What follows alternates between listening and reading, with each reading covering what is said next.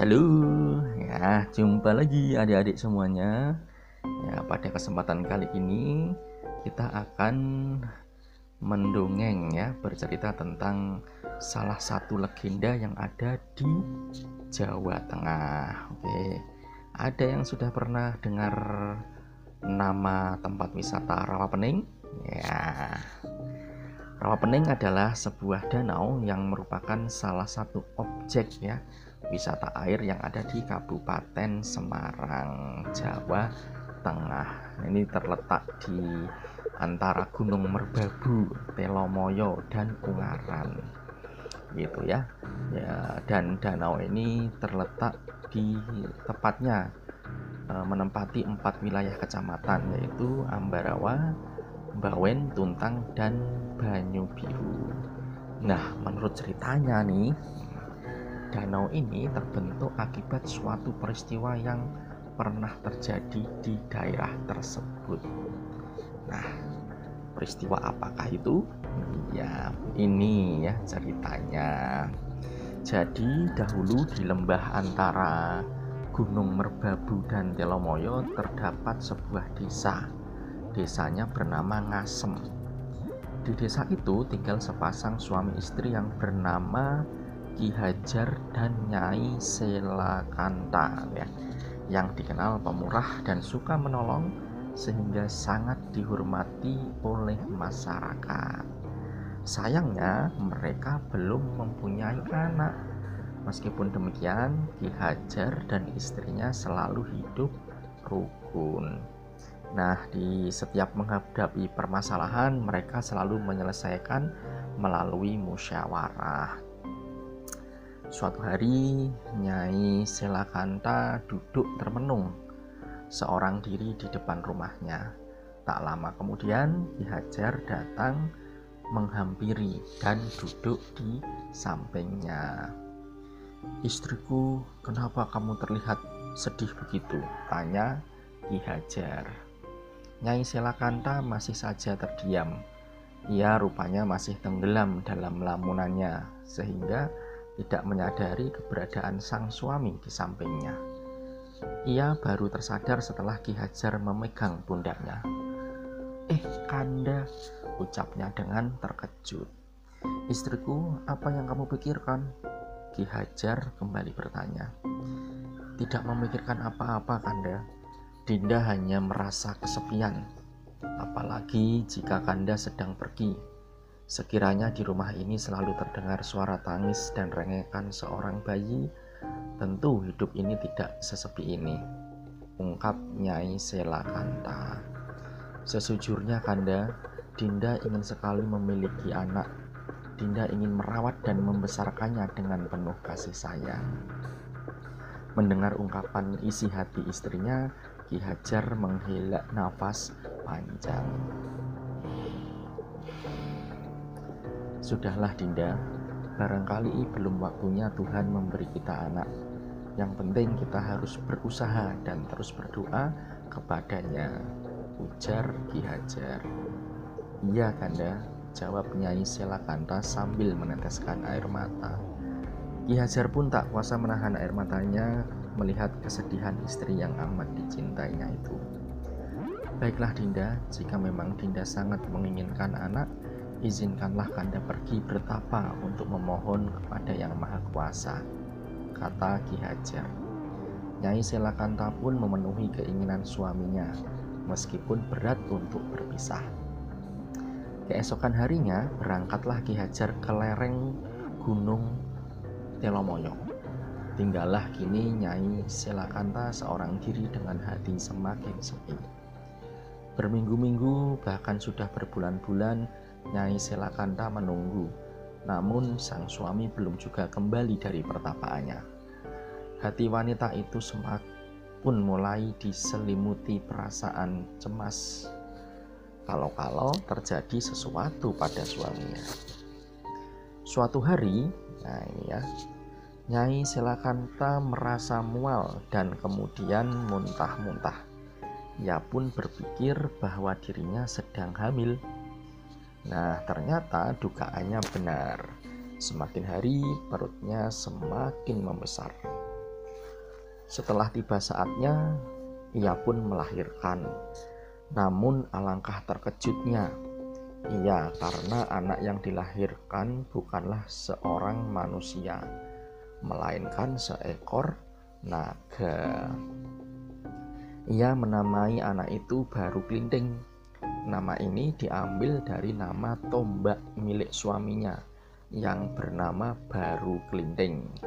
Kata baru berasal dari kata Bra yang artinya keturunan Brahmana, yaitu seorang resi yang kedudukannya lebih tinggi dari pendeta. Sementara kata kelinting berarti lonceng. Nah, ajaibnya, adik-adik, meskipun berwujud naga, baru kelinting dapat berbicara seperti manusia. Nyai Selakanta pun terheran-heran bercampur haru melihat keajaiban itu.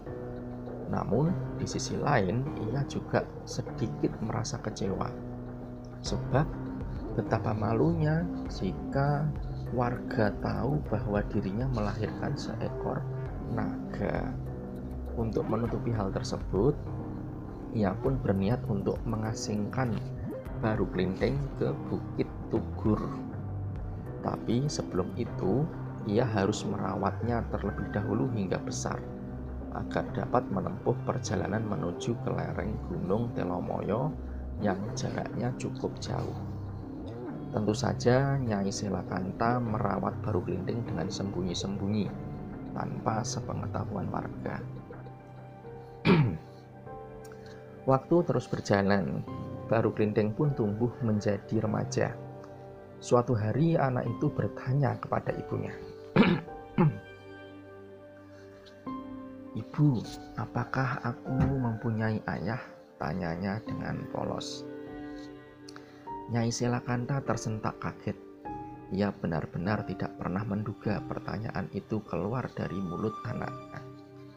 Namun, hal itu telah menyadarkan dirinya bahwa sudah saatnya baru Kelinting mengetahui siapa ayahnya.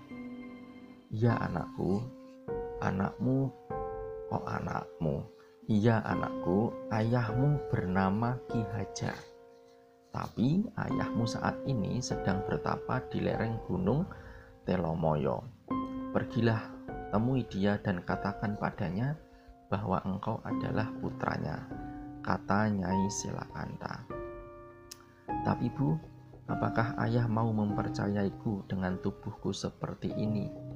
Tanya baru Kelinting dengan ragu. Jangan khawatir anakku, bawalah pusaka tombak baru Kelinting ini sebagai bukti. Ujar Nyai Silakanta. Pusaka itu milik ayahmu. Setelah memohon restu dan menerima pusaka dari ibunya, baru Kelinting berangkat menuju lereng Gunung Telomoyo. Setiba di sana, masuklah ia ke dalam gua dan mendapati seorang laki-laki sedang duduk bersemedi. Kedatangan baru kelinting rupanya mengusik ketenangan pertapa itu. Hai, siapa itu? Tanya pertapa. Maafkan saya tuan, jika kedatangan saya mengganggu ketenangan tuan, kata baru kelinting. Betapa terkejutnya pertapa itu saat melihat seekor naga yang dapat berbicara. Siapa kamu dan kenapa kamu bisa berbicara seperti manusia? Tanya pertapa itu dengan heran. Saya baru kelinting, jawab baru kelinting. Kalau boleh tahu, apakah benar ini tempat pertapaan Ki Hajar? Iya, aku Ki Hajar. Tapi bagaimana kamu tahu namaku? Siapa kamu sebenarnya? Tanya pertapa itu penasaran. Mendengar jawaban itu, baru kelinting langsung bersembah sujud di hadapan ayahnya. Ia kemudian menjelaskan siapa dirinya. Awalnya Ki Hajar tidak percaya jika dirinya memiliki anak berwujud seekor naga. Ketika naga itu menunjukkan pusaka baru kelinding kepadanya, Ki Hajar pun mulai percaya.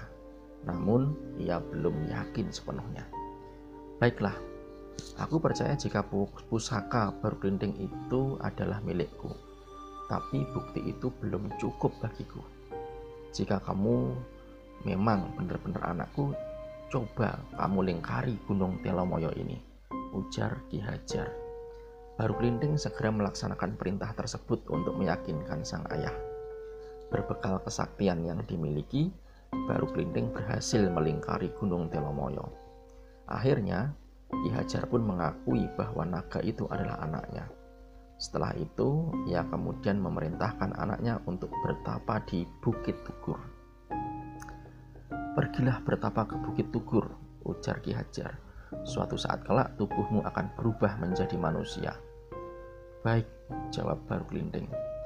Sementara itu, tersebutlah sebuah desa bernama Patok.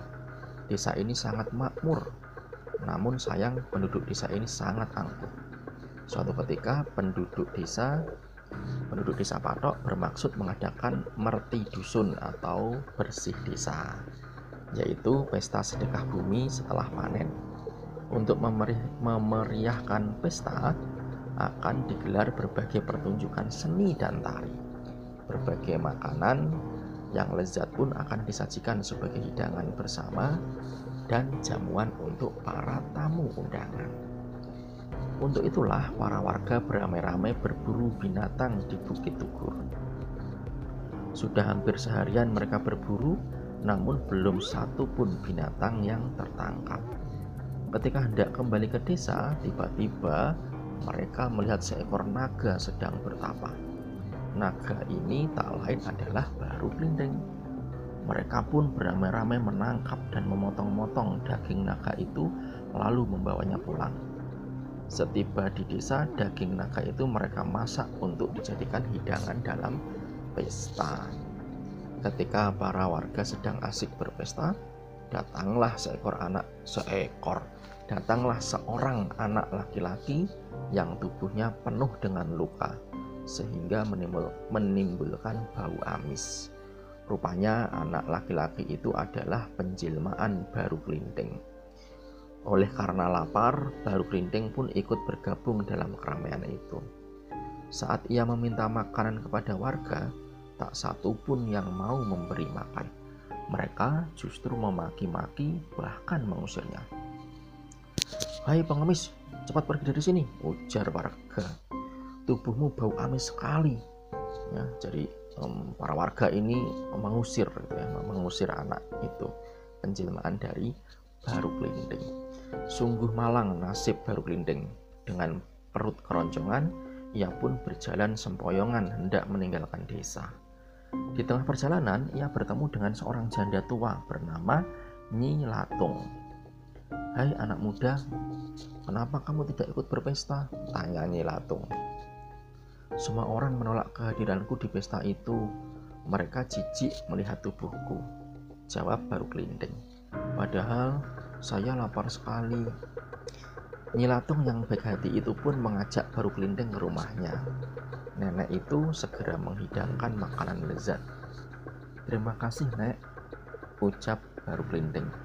Ternyata masih ada warga yang baik hati di desa ini. Iya, cucuku, semua warga di sini memiliki sifat angkuh. Mereka pun tidak mengundang nenek ke pesta karena cicik melihatku, ungkap Nyilatung. Kalau begitu, mereka harus diberi pelajaran, ujar baru kelinting. Jika nanti nenek mendengar suara gemuruh, segeralah siapkan lesung kayu. Lesung kayu itu adalah lumpang, teman-teman. Alat untuk menumbuk padi. Baru Kelinding kembali ke pesta dengan membawa sebatang lidi. Setiba di tengah keramaian, ia menancapkan lidi itu ke tanah. Wahai kalian semua, jika kalian merasa hebat, cabutlah lidi yang kutancapkan ini. Tantang Baru Kelinding. Merasa diremehkan, warga pun beramai-ramai hendak mencabut lidi itu. Mula-mula para e, anak kecil disuruh mencabutnya, tapi tak seorang pun yang berhasil. Ketika giliran para kaum perempuan, semuanya tetap saja gagal. Akhirnya kaum laki-laki yang dianggap kuat pun maju satu persatu. Namun tak seorang pun dari mereka yang mampu mencabut lidi tersebut. Ah, kalian semua payah, mencabut lidi saja tidak bisa, kata Baru Kelinding. Baru Kelinding segera mencabut lidi itu. Karena kesaktiannya, ia pun mampu mencabut lidi itu dengan mudahnya. Begitu, begitu lidi itu tercabut, Suara gemuruh pun menggetarkan seluruh isi desa. Beberapa saat kemudian, air menyembur keluar dari bekas tancapan lidi itu. Semakin lama, semburan air semakin besar, sehingga terjadilah banjir besar. Semua penduduk kalang kabut hendak menyelamatkan diri. Namun, usaha mereka semua terlambat karena banjir telah menenggelamkan mereka. Seketika desa itu pun berubah menjadi rawa atau danau yang kini dikenal dengan Rawa Pening. Sementara itu, usai mencabut lidi, baru Kelinting segera berlari menemui Nyilatung yang sudah menunggu di atas lesung yang berfungsi sebagai perahu. Maka selamatlah ia bersama nenek itu. Setelah peristiwa itu, baru Kelinting kembali menjadi naga untuk menjaga rawa pening nah gitu teman-teman. Jadi legenda dari rawat apa legenda rawa pening dari Jawa Tengah ini nah, pesan moral yang dapat dipetik adalah uh, sifat angkuh sombong tidak bisa menghargai orang lain adalah sifat yang tidak terpuji. Maka saling membantu dan saling menolong merupakan perbuatan yang baik untuk dicontoh tanpa memandang latar belakang, status sosial, agama, asal, dan kondisi fisik orang yang ditolong. Nah, begitu kira-kira. Jadi, nanti kalau teman-teman ingin berkunjung, ingin berkunjung suatu saat ya, suatu saat berkunjung ke Jawa Tengah, Semarang, jangan lupa mampir ke Rawa Pening. Oke, terima kasih untuk kesempatan kali ini. Cukup sekian dulu ya. Sampai jumpa lagi.